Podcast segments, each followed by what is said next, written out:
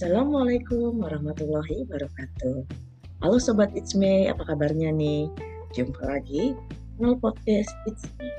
Saya Melani Damayanti, senang sekali menemani Sobat It's Me untuk bincang-bincang tentang topik-topik yang memang saat ini sedang menjadi tren atau mungkin sedang uh, menjadi viral pembicaraan. Tapi kali ini saya sudah menghadirkan seorang narasumber yang akan sharing tentang kisah hidupnya dalam sebuah buku yang sudah dituangkan. Jadi uh, narasumber kita yang satu ini sudah menuliskan uh, kisah hidupnya yang mungkin nanti berkaitan dengan mental mental health dan pokoknya seru lah sobat It's Me. Nah, siapakah dia? Uh, di sini sudah hadir narasumber saya Ririn Vina. Halo Ririn, apa kabarnya nih? Halo Mbak Mei, selamat malam. Alhamdulillah sehat, terima kasih. Mbak Mei apa kabar? Alhamdulillah baik. ya, uh, Sobat Ismi, sebelum kita bincang-bincang, mungkin saya perkenalkan dulu nih ya. Sebenarnya Ririn Vina itu bukan orang asing ya, bukan orang baru dalam podcast Ismi. Karena Ririn sudah mungkin ini yang ketiga kalinya kalau nggak salah ya. Iya, betul. Ya. Menjadi narasumber podcast Ismi. Wow nah, sudah cukup banyak ya. Nah, tapi kalau yang kemarin kita uh, dua kali yang lalu kita bincang-bincang tentang psikologi dan sebagainya, uh, itu karena berkaitan Ririn memang saat ini profesinya sebagai HR di salah satu uh, perusahaan swasta yaitu Bipo Service Indonesia. Memang latar belakang Ririn itu adalah psikolog ya teman-teman, khususnya psikolog organisasi yang ditempuhnya uh, S2-nya itu di Jepang yang lo nggak salah ya Ririn ya. Iya, di Ritsumeikan ya. Asia Pacific University. Ya, oke okay, Sobat Isme. Nanti uh, kita dengerin ya bincang-bincangnya karena mudah-mudahan ini bisa menjadi mungkin ada uh, lesson learn yang bisa diambil uh, dari kisah Ririn ini. Uh, Ririn sebelumnya selamat ya sudah bisa uh, mengeluarkan bayi. bayi, bayi, bayi yang sudah dikandung berapa tahun tuh kira-kira Ririn? Dua tahun mbak. Wah dua tahun. Ya sobat Isme jadi uh, masa penulisan Ririn itu dua tahun ya. Mungkin iya. boleh disampaikan ke sobat Isme apa sih judulnya? Judulnya peta jalan di garis waktuku gitu mbak. Wow jadi peta jalan di garis waktuku. Memang uh, sangat ini ya sangat kritis ya. Memang uh, juga tapi memiliki syarat makna. Nah uh, Ririn uh, kalau yes. dari psikologi itu kan perkembangan manusia itu juga dibagi ada masa bayi, anak-anak, remaja, dewasa dan tua. Nah, hmm. yang uh, ada di dalam buku Ririn ini kira-kira lebih banyak menceritakan masa-masa yang mana nih Ririn? Sebenarnya lumayan komplit walaupun nggak berurutan Mbak. Jadi yeah. Ya. uh, saya uh, mencup ada kisah yang memang saya alami dari kecil, kemudian pelajaran dan hikmahnya saya uh, bisa baru bisa dirangkai sekarang. Ada juga peristiwa-peristiwa yang uh, saya hadapi beberapa waktu yang lalu saat saya udah mulai dewasa seperti ini. Jadi nano-nano dan ini tuh bentuknya catatan ringan dengan judul yang berbeda-beda. Ada 18 catatan yang bisa mulai dibaca dari judul yang mana aja. Jadi terserah dari yang membaca inginnya baca yang mana dulu itu Mbak Mei. Nah, uh, Ririn, jadi yes. ini satu sama lain uh, tidak ada kaitannya ya, maksudnya uh, lepas ya, antara bab satu dengan lepas. bab yang lainnya. Iya nah, betul. Uh, untuk uh, mungkin sebelum kita bedah nih tentang tulisan-tulisannya, mungkin Ririn bisa uh, apa memberikan uh, ini ya alasan ke sobat It's Me. Kenapa sih judulnya itu peta peta jalan? Jadi saya ingat jadi kayak film Dora aja peta peta. peta. uh, mengisyaratkan pada waktu itu ya uh, yeah. Ririn pernah sesat atau merasa oh tidak mengetahui jalan yang sesungguhnya, tidak mengetahui tujuan yang sebenarnya. Akhirnya menemukan jalan ini loh ternyata jalan saya. Gimana nih? Silakan iya. Ririn. Jadi Uh, setelah mengumpulkan semua catatan ringan ini ada 18 catatan ringan, saya uh, merasa eh uh, kalau ini saya bukukan siap sepertinya bisa menjadi salah satu referensi bagi teman-teman yang mau membaca seperti mendapatkan peta, peta jalan gitu. Jadi saya seperti saya inginnya buku ini tuh menjadi inspirasi dan membantu memetakan gitu, memetakan uh, beberapa periode dalam hidup kita dari kita awal kita dilahirkan bahkan pada saat tahap konsepsi. Karena sebenarnya pada saat kita masih janin dalam perut ibu kita pun kita sudah mulai merekam apa saja yang ibu kita alami, apa saja yang ibu kita rasakan. Itu ternyata juga berpeng udah mulai berpengaruh dalam uh, kehidupan kita di sisi yang paling awal sekalipun. Dan itu ternyata uh, bisa membekas bisa memberikan kesan pada kita yang dari kita bayi. Dan itu tuh uh, bagi saya seperti membuat membuat referensi atau inspirasi bagi pembaca siapa tahu apa yang coba saya petakan dari kehidupan saya dari uh, garis waktu saya siapa tahu bisa memberikan uh, inspirasi dan juga istilahnya peta bagi orang yang mau membacanya walaupun mungkin garis hidupnya saya dan orang yang membaca berbeda-beda dan itu wajar-wajar saja gitu Mbak Mei. Oh, uh, jadi tidak ada ini ya, tidak ada uh, semacam mungkin masa masa-masa di mana Ririn merasa ah uh, belum melihat tujuan gitu loh.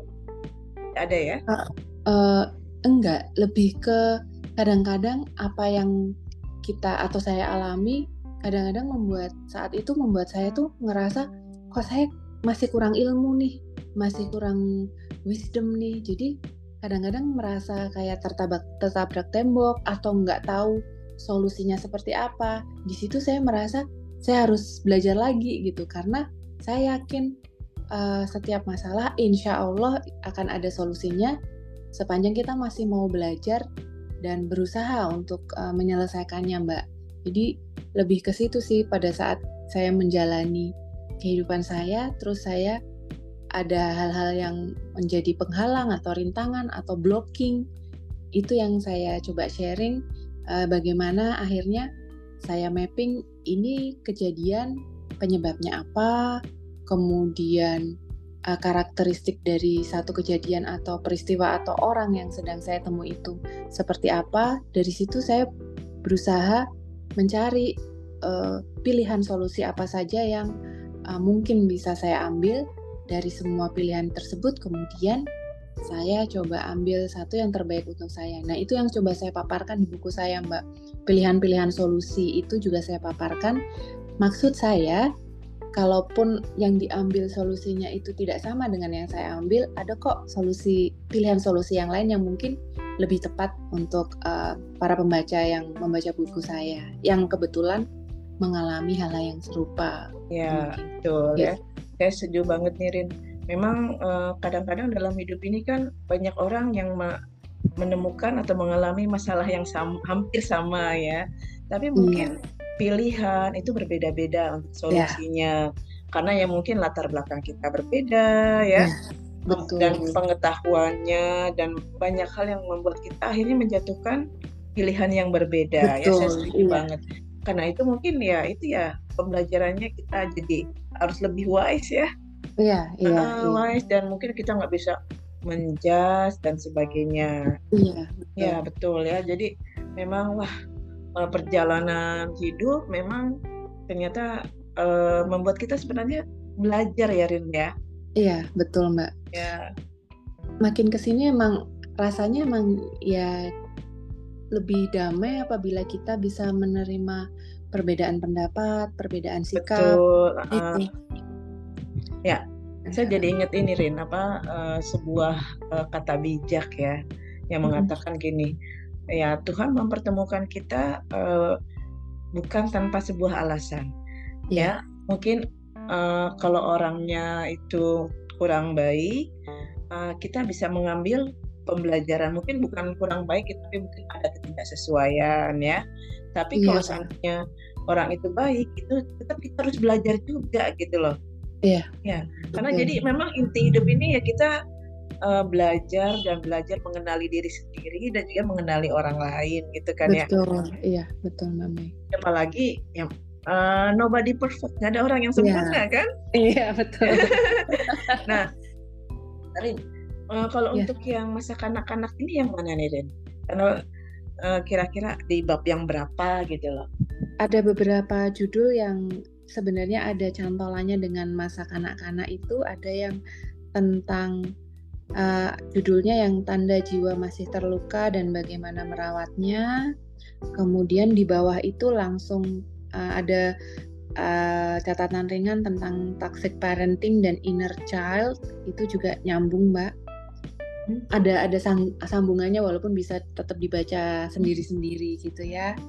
Kemudian, nah ini uh, ada juga tentang kedaulatan untuk bahagia ini artinya walaupun hidup itu kita nggak nggak ada yang sempurna ya sepanjang perjalanan hidup pasti kita pernah sedih, kecewa, terluka, marah gitu. Tidak ada yang sempurna tapi bukan berarti kita tidak bisa bahagia dan saat kita sudah bisa uh, merasakan kebahagiaan dengan mensyukuri apa yang kita miliki, kemudian kita mengasah semua hal yang bisa membuat kita merasa lebih bahagia seperti uh, kita terus-menerus berusaha untuk menjemput ilmu, pengetahuan, pemahaman itu juga bisa membuat kita menjadi lebih bahagia. Nggak harus yang kebahagiaan itu bukan berarti kita harus miliki semua yang kita mau segala macam. Kadang-kadang uh, hal-hal sederhana seperti kita bisa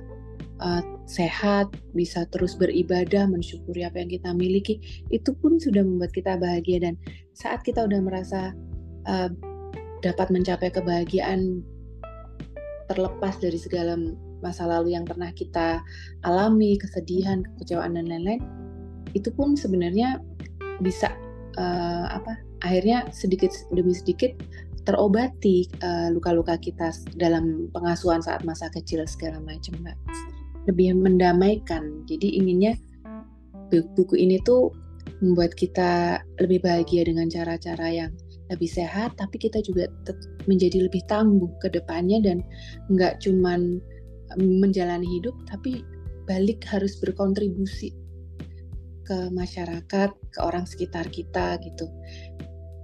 Karena akan lebih lebih berarti apabila kita hidup dan bisa memberikan manfaat untuk orang lain, gitu kan, Iya, betul. Ya, ini masih berkaitan dengan masa anak-anak nih. Kira-kira yes. ada nggak di masa anak-anak itu mungkin bisa uh, cerita ke sobat Isme yang memiliki apa ya uh, kesan gitu ya? Nah mungkin sampai sekarang uh, kesan itu masih diingat atau dirasakan gimana nih? Kalau yang di masa kecil sih uh, memang orang tua saya memang masih uh, pola pengasuhannya masih mewarisi pola pengasuhan zaman uh, dulu karena pola itulah yang yang uh, beliau-beliau dapat ya dari orang tuanya terdahulu. Di situ emang uh, makin ke sini sih saya juga makin bisa memilah gitu ya mana yang sebenarnya uh, cukup traumatis, mana yang sebenarnya uh, mengharukan dan mana yang sebenarnya walaupun traumatis tapi saat-saat sudah sampai di usia-usia seperti ini, saya lebih bisa memaklumi gitu ya, walaupun kadang-kadang memaafkan itu tidak tidak mudah, tapi saat ini tuh lebih bisa memaklumi, bisa lebih apa? Akhirnya perlahan-lahan, memang akhirnya kita bisa memaafkan segala sesuatu yang mungkin dulunya membuat kita tuh sangat marah sebagai anak-anak, sebagai uh, dewasa awal remaja yang mungkin um, apa ya masih punya uh, emosi atau atau masih suka um, akhirnya menjadi pemberontak segala macam. Tapi makin ke sini ya memang kita makin memaklumi aja sih Mbak Mei.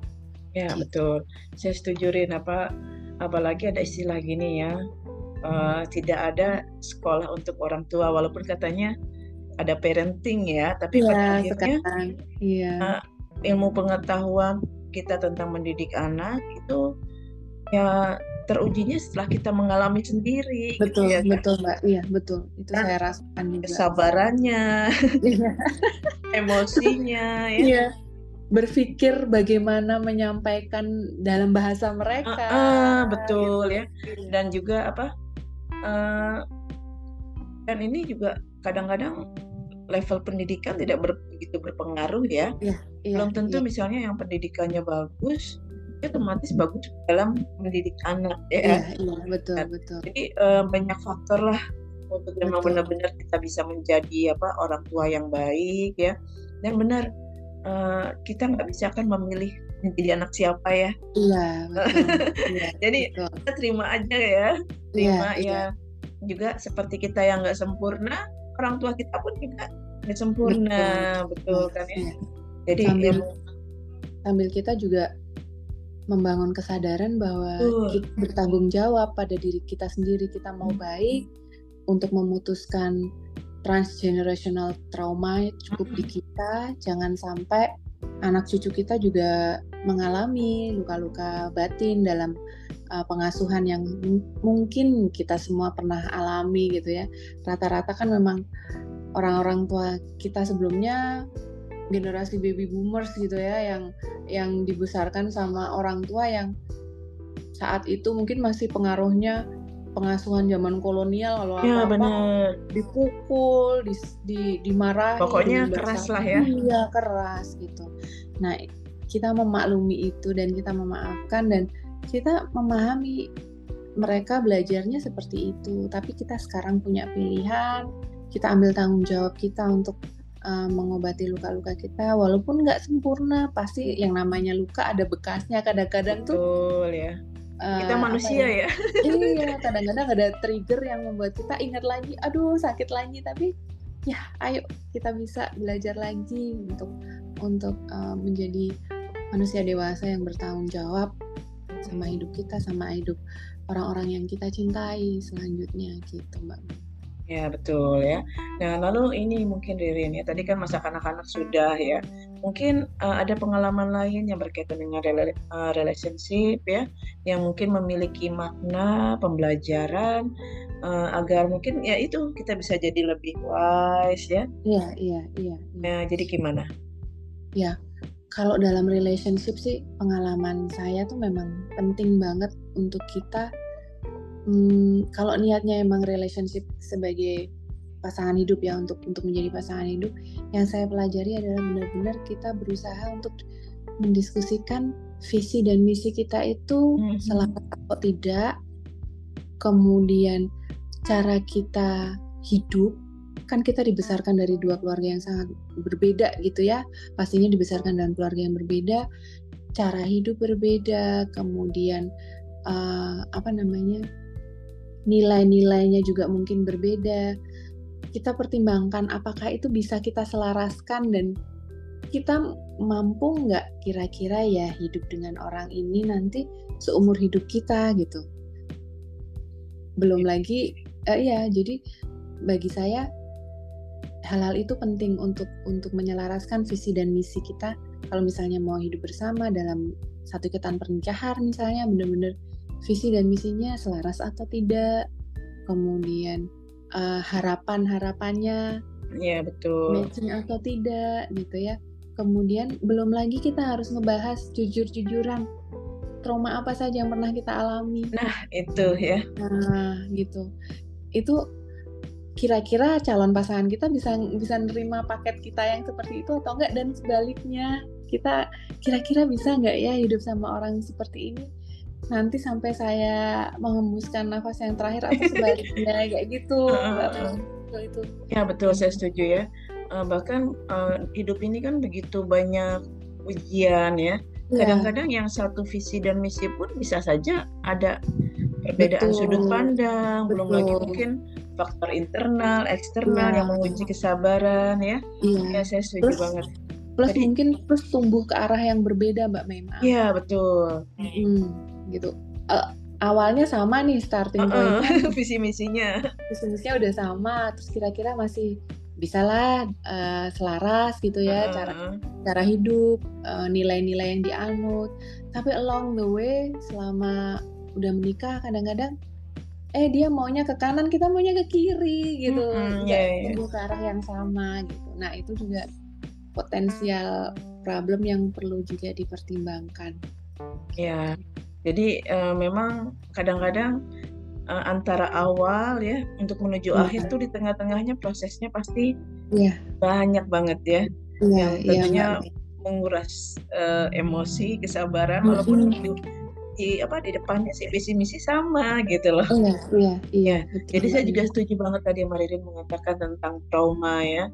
Kadang-kadang uh, hal ini itu loh Rin uh, jarang dibicarakan ya ketika mm -hmm. orang masih mungkin masih pacaran atau mungkin ketika sebelum memasuki pernikahan tentang trauma karena uh, trauma itu apalagi inner child itu mempengaruhi cara kita membangun relasi dengan pasangan gitu kan ya betul betul nah, khawatir kalau itu tidak disampaikan itu kan mm-hmm. lagi berpengaruh dengan uh, hubungan ya. Iya iya, ya, iya seperti betul. itu. Jadi mungkin banyak kasus ya Rin ya. Banyak kasus yang pada akhirnya uh, ya mungkin kayak gini ada sakit hati di masa anak-anak tuh akhirnya terbawa terus sampai dewasa pasangan nggak tahu akhirnya cekcok terus betul, gitu ya. iya, curiga iya. terus kan iya, awalnya iya, iya betul mbak jadi itulah pentingnya ke, apa ya kejujuran dan iya, dialog ya, gitu. Ya iya.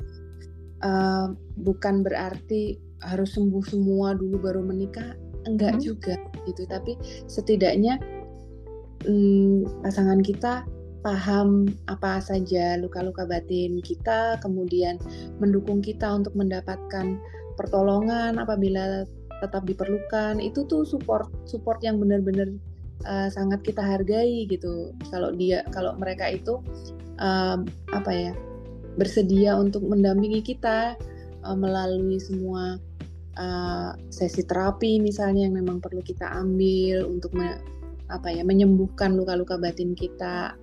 Dan kesabaran juga sih kalau suatu dan akhirnya kalau kita jujur dan pasangan bisa menerima uh, kemungkinan lebih besar bahwa dia juga bisa memaklumi pada saat-saat ada kejadian-kejadian yang membuat kita mungkin masih uh, terpicu ya Mbak untuk bersikap emosional atau sensit oversensitif. Kalau pasangan udah tahu dari awal, insya Allah akan akan akan lebih lebih besar kemungkinan dia bisa memaklumi dan nggak mengarah ke percocokan atau pertengkaran yang uh, berlarut-larut gitu mbak karena ya dia memahami gitu maklumi gitu.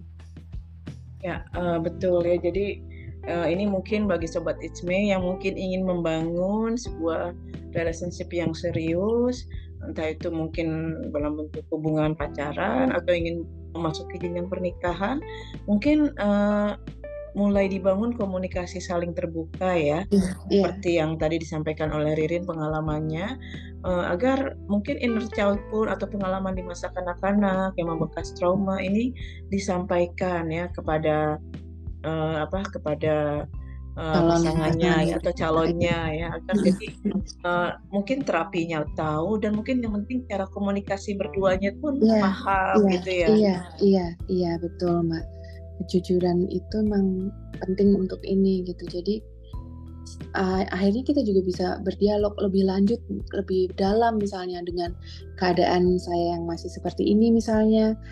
Mungkin nggak ya uh, sehat nggak ya atau cukup sehat nggak ya bagi kita untuk misalnya mau punya keturunan segala macam. Nggak cuman fisik aja yang perlu sehat tapi uh, psikis kita juga perlu hmm, sehat. betul, uh, betul. apalagi akan menghadirkan anak dalam pernikahan itu itu satu hal yang besar kasihan banget kalau dia nanti harus um, menerima uh, pengasuhan yang tidak sehat secara mental nanti nggak keputus transgenerational traumanya. Ya betul. Nah ini mungkin uh, ada yang satu nih, ada yang menarik buat uh, buat saya tanya tanya yeah. ini ya, uh, apa berkaitan dengan mungkin uh, topik yang baru kita bahas nih. Mm -hmm. Ini ada, ada tentang 3S nih. Kira-kira berkaitan nggak nih tentang 3S nih? ini tentang selingkuh sebab dan solusinya, Mbak. Mm -hmm. Jadi ini tuh uh, uh, ter terinspirasi sama waktu itu ada uh, serial yang lagi viral itu ya layangan putus itu lomba hmm. uh, itu kan menceritakan tentang perselingkuhan. Hmm. uh, sebabnya kenapa kalau dalam versi versi dari web seriesnya itu. Dan saya mencoba mengulas ini karena topik ini tuh nggak pernah basi gitu ya. Oh jadi itu, uh, ada aja uh, gitu iya, iya. gitu. Ya maksudnya apakah mungkin berkaitan dengan Ririn gitu pengalaman pengalaman sebelumnya atau mungkin sebatas wacana ya pengalaman terdahulu memang ada mbak. Sebagai sebagai orang yang pernah merasakan bagaimana pahitnya diselingkuhin oh. oleh pasangan hidup gitu. Uh -huh. itu memang pernah ada. Tapi makin ke sini saya juga merasa uh, kita juga harus bertanggung jawab. Walaupun itu itu terjadi dan orang banyak meletakkan saya sebagai korban. Tapi saya juga merasa ya itu tadi. Pentingnya pada saat sebelum menikah visi misinya diselaraskan dulu. Yeah. nilai-nilai dan gaya hidup diselaraskan dulu. Jadi uh, yang menjadi pengalaman saya visi misi pada saat itu selaras. Tapi gaya hidup nilai-nilai yang kami pegang itu berbeda. Hmm. berbeda banget dan pada saat itu saya tidak merasa bahwa itu potensial menjadi problem, tapi ternyata menjadi problem awal-awalnya gitu ya. Yang bagi saya it, yang ini tidak bisa ditolerir, tapi bagi dia, bagi beliau itu baik-baik aja kok, fan-fan aja. Dan semakin banyak perbedaan itu akhirnya salah satunya berusaha, iya men menca mencari mencari teman diskusi yang baru dan lain sebagainya. Akhirnya uh, larinya ke arah 3S itu Mbak Mei gitu. Ya, betul ya. hmm Nah, jadi uh, ini Rin, tadi kalau berkaitan dengan mungkin ada kasus perselingkuhan, apakah mungkin ada semacam trauma gitu loh? Saya akui mungkin tetap ada Mbak saat itu ya. Maksudnya uh, kadang tuh saya waktu itu tuh saya ngomongnya aku aku tuh kurang apa ya kok masih uh, mendapatkan perlakuan yang seperti ini. Tapi makin ke sini, cara saya um, bertanya harus saya paraphrasing atau saya rubah. Amit-amit jabang bayi di luar sana ada yang mengalami, lebih baik bertanyanya aku harus lebih apa.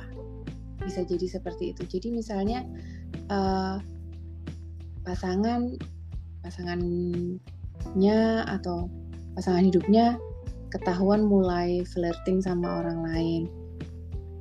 Silahkan coba ditanyakan baik-baik, walaupun itu nggak gampang gitu ya. Pasti kita masih punya emosi sebagai manusia normal.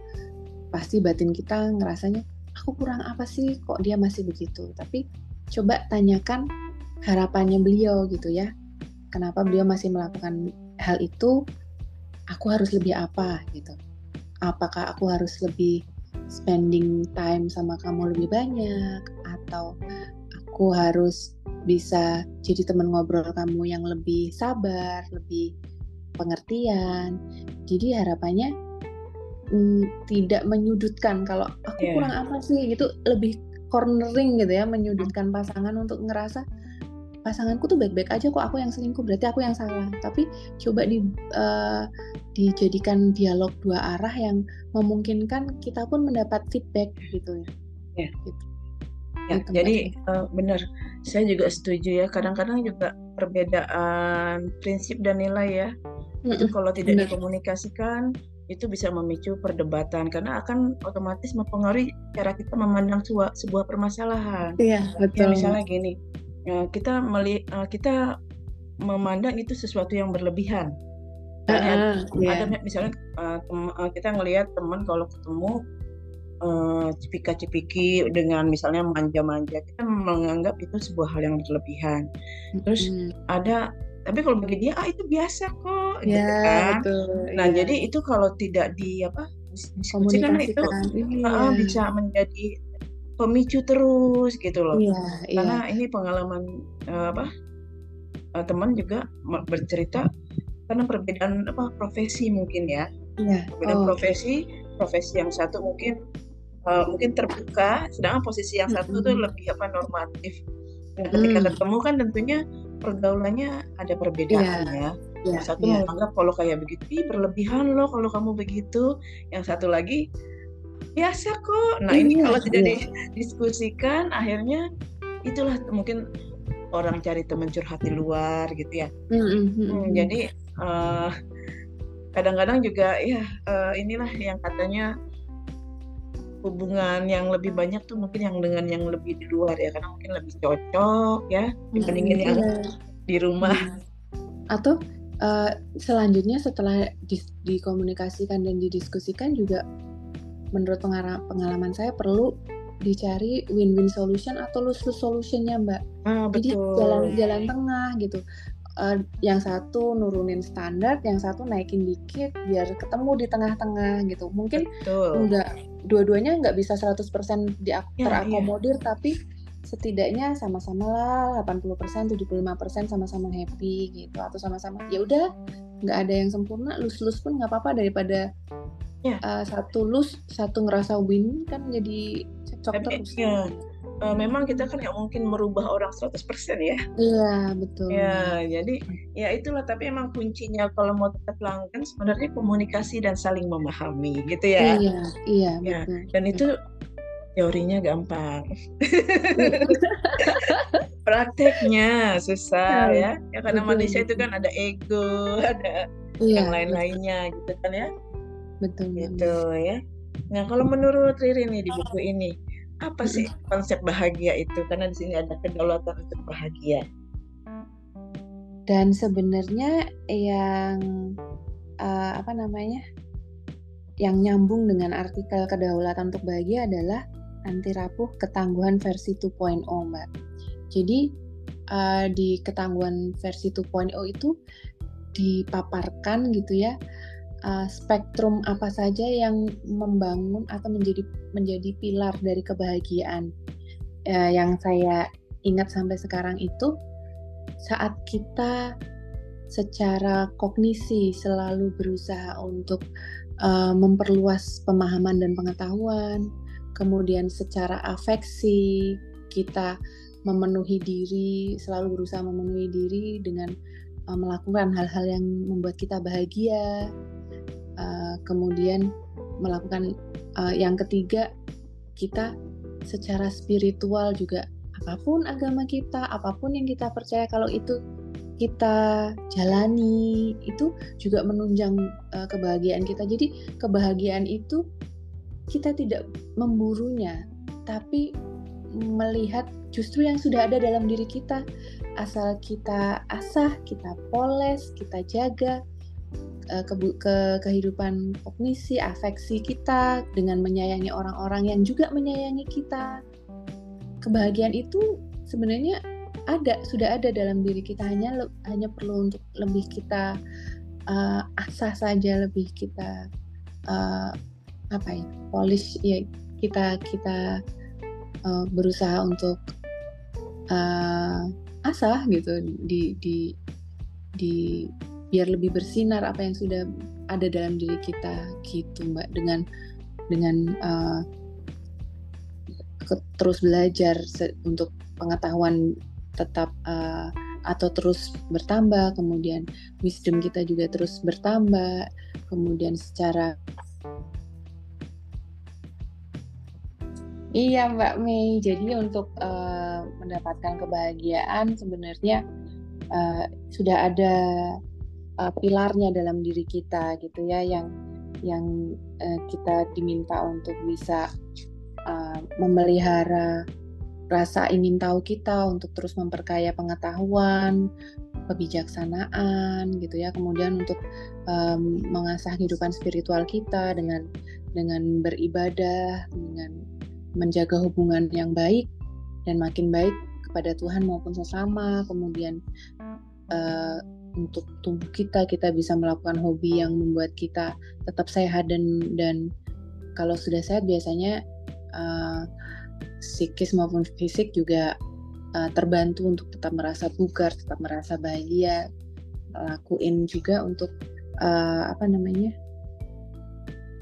hidup juga untuk berusaha untuk uh, memberi pada sesama. Karena pada saat kita kontribusi pada sesama apa pun kontribusi kita yang saya rasakan memang kita merasa lebih uh, bahagia, kita merasa lebih memiliki manfaat dan berguna bagi orang lain, gitu Mbak Mei. Ya, gitu. jadi ini kayaknya ada relevansinya ya sama yang apa anti rapuh. Mm -mm. Ketangguhan versi 2.0 kedalatan untuk bahagia. Tuh. Ya, jadi oh, mungkin kalau sekarang memang anti rapuhnya juga ini kali ya Ren ya berkaitan dengan bagaimana bijak di media sosial kali ya. Betul, iya gitu. Jadi um, ya belajar belajar banyak dari uh, postingan-postingan yang mudah banget sekarang ini viral gitu ya itu memberikan banyak pelajaran bagi saya juga sih mbak untuk kalaupun mau mau posting kita kita coba pastikan saya coba pastikan ini informasi yang mau saya posting dampaknya baik atau buruk, memiliki kegunaan atau manfaat atau enggak untuk orang yang membaca atau melihat, kemudian uh, perlu nggak sih di share gitu ya, perlu nggak sih diposting, emang uh, ya itu yang membuat kita harus lebih hati-hati di, di masa ini gitu ya, masa yang katanya udah post truth ya mbak, ya di mana kita udah kalau nggak hati-hati banget kita nggak tahu mana yang benar-benar berita yang benar dan berita yang terlihat benar gitu. Ya apalagi zaman sekarang nih, aduh gampang banget kan ya. Nah, ada berita screenshot, share atau belum lagi yang hoax tambah tambahin iya, iya, ya. Betul betul iya itu. Jadi ya uh, jangan juga kita dengan karena media digital mental kita jadi tidak sehat juga kan betul betul harus dibatasi asupannya mbak iya apalagi jadi kita lihatlah apa yang harus kita baca harus kita lihat ya. walaupun yang beredar banyak gitu kan iya, tapi kita ya. Keputusan itu ada di tangan kita ya, ya kita harus kita mau sehat filter. ya kita jangan ya. melihat gitu loh. Ya. atau kalau udah terlanjur melihat ya udah skip ya. Iya iya ya, betul. ya, seperti itu kan.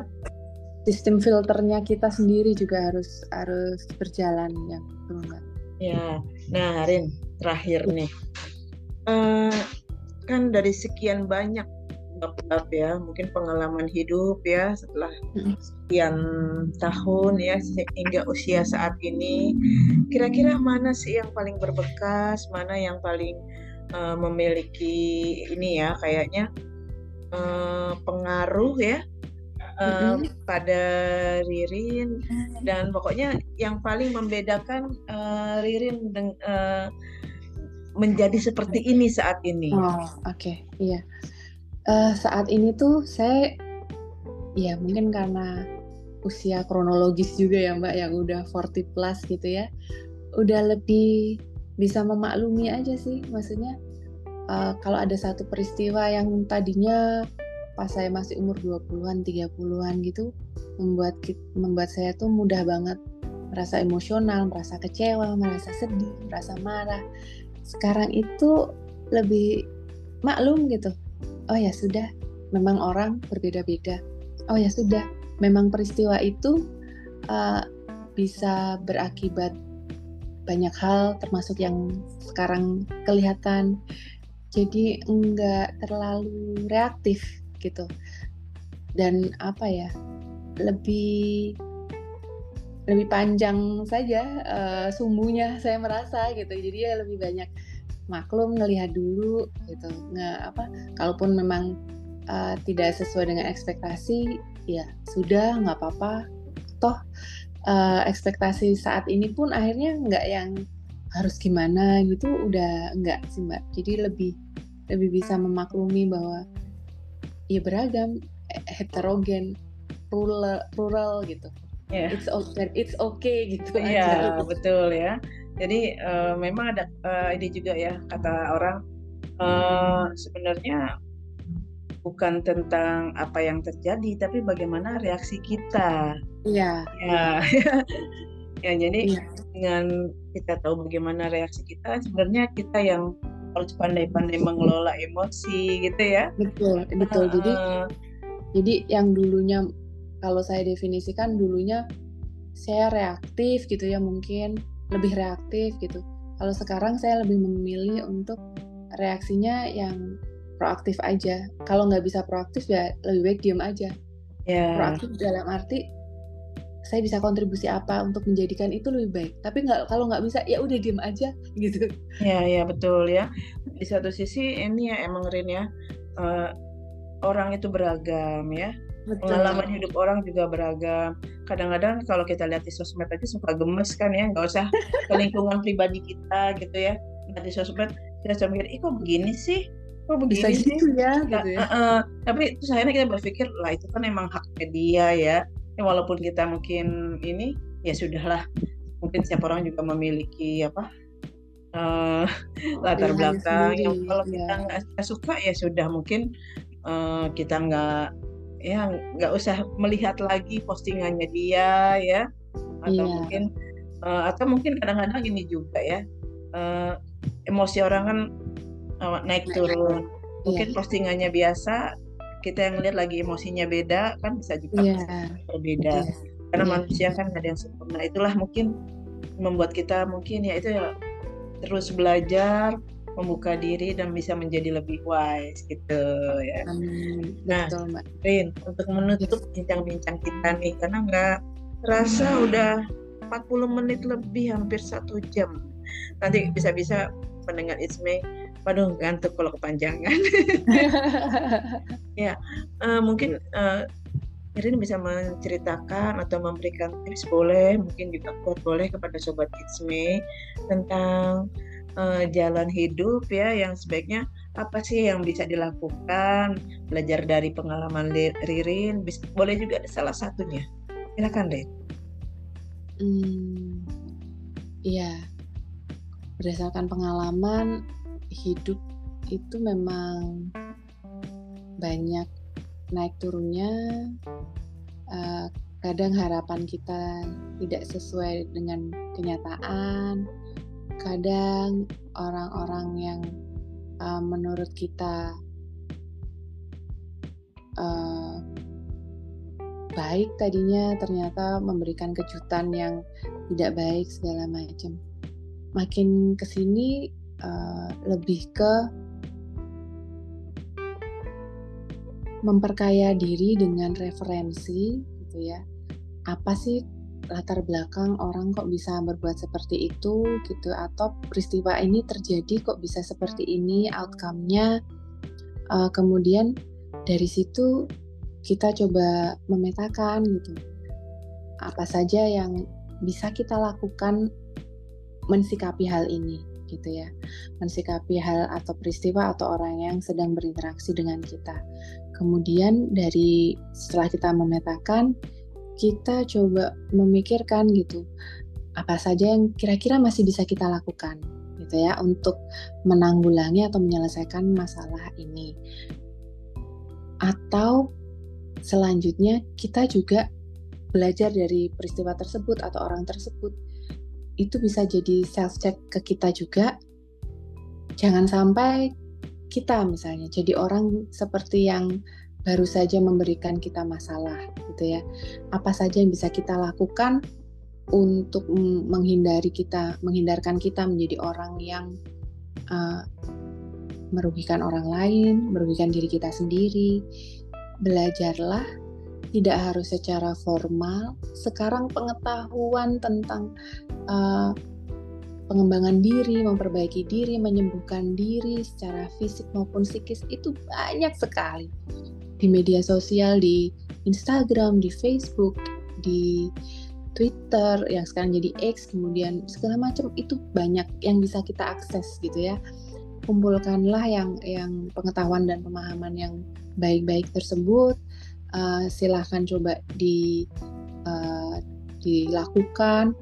Kalaupun belum berhasil, kita bisa minta bantuan uh, profesional seperti psikolog dan para terapis yang memang sudah tersertifikasi atau bahkan juga ke para pemuka agama kita masing-masing itu bisa. Atau orang-orang yang kita hormati dan kita tuakan yang kita anggap bijak itu pun bisa. Selalu ada cara selalu banyak cara untuk menjadi versi diri kita yang lebih baik. Gitu.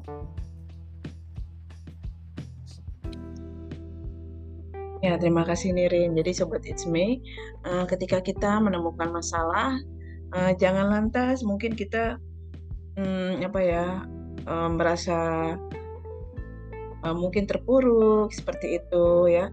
Cobalah tadi yang mungkin bisa saya simpulkan kita refleksi ya. Kita refleksi uh, mungkin menyalahkan keadaan juga tidak baik ya. Refleksi juga Uh, dari pembahasan uh, sebelumnya kita banyak belajar ya mungkin juga dengan banyak memaklumi uh, itu akan membuat hati kita lebih apa lebih lapang, ya hmm.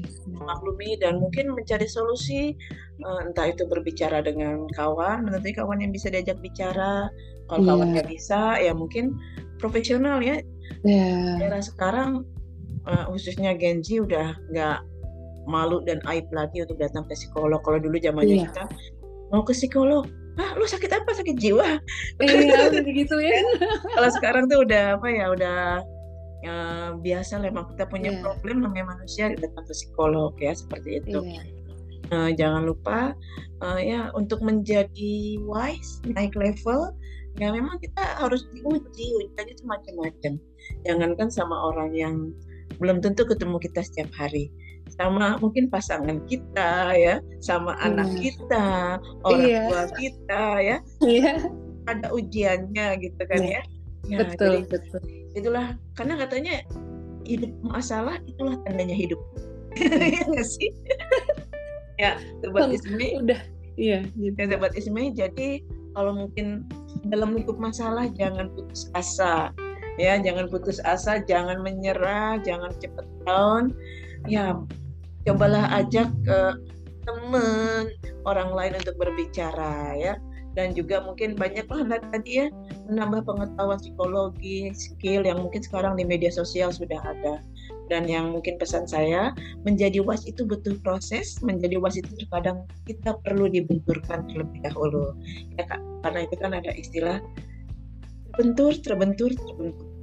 Itu saya suka sekali ya seperti itu. Ya Ririn Vina terima kasih banyak sudah hadir dalam podcast It's Me. Ya semoga ini bisa menjadi literasi dan motivasi kepada pendengar sobat Itsme yang mungkin sedang punya problematika ya.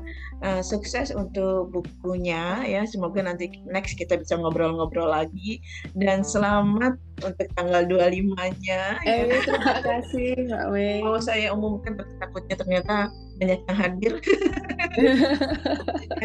selamat nanti kalau sudah hari hanya boleh nanti saya umumkan. Terima kasih hmm. banyak sukses dan semoga uh, bisa menjadi ya kita semua ya mungkin saya dan Ririn bisa menjadi pribadi lebih wise ya amin amin ya. amin ya.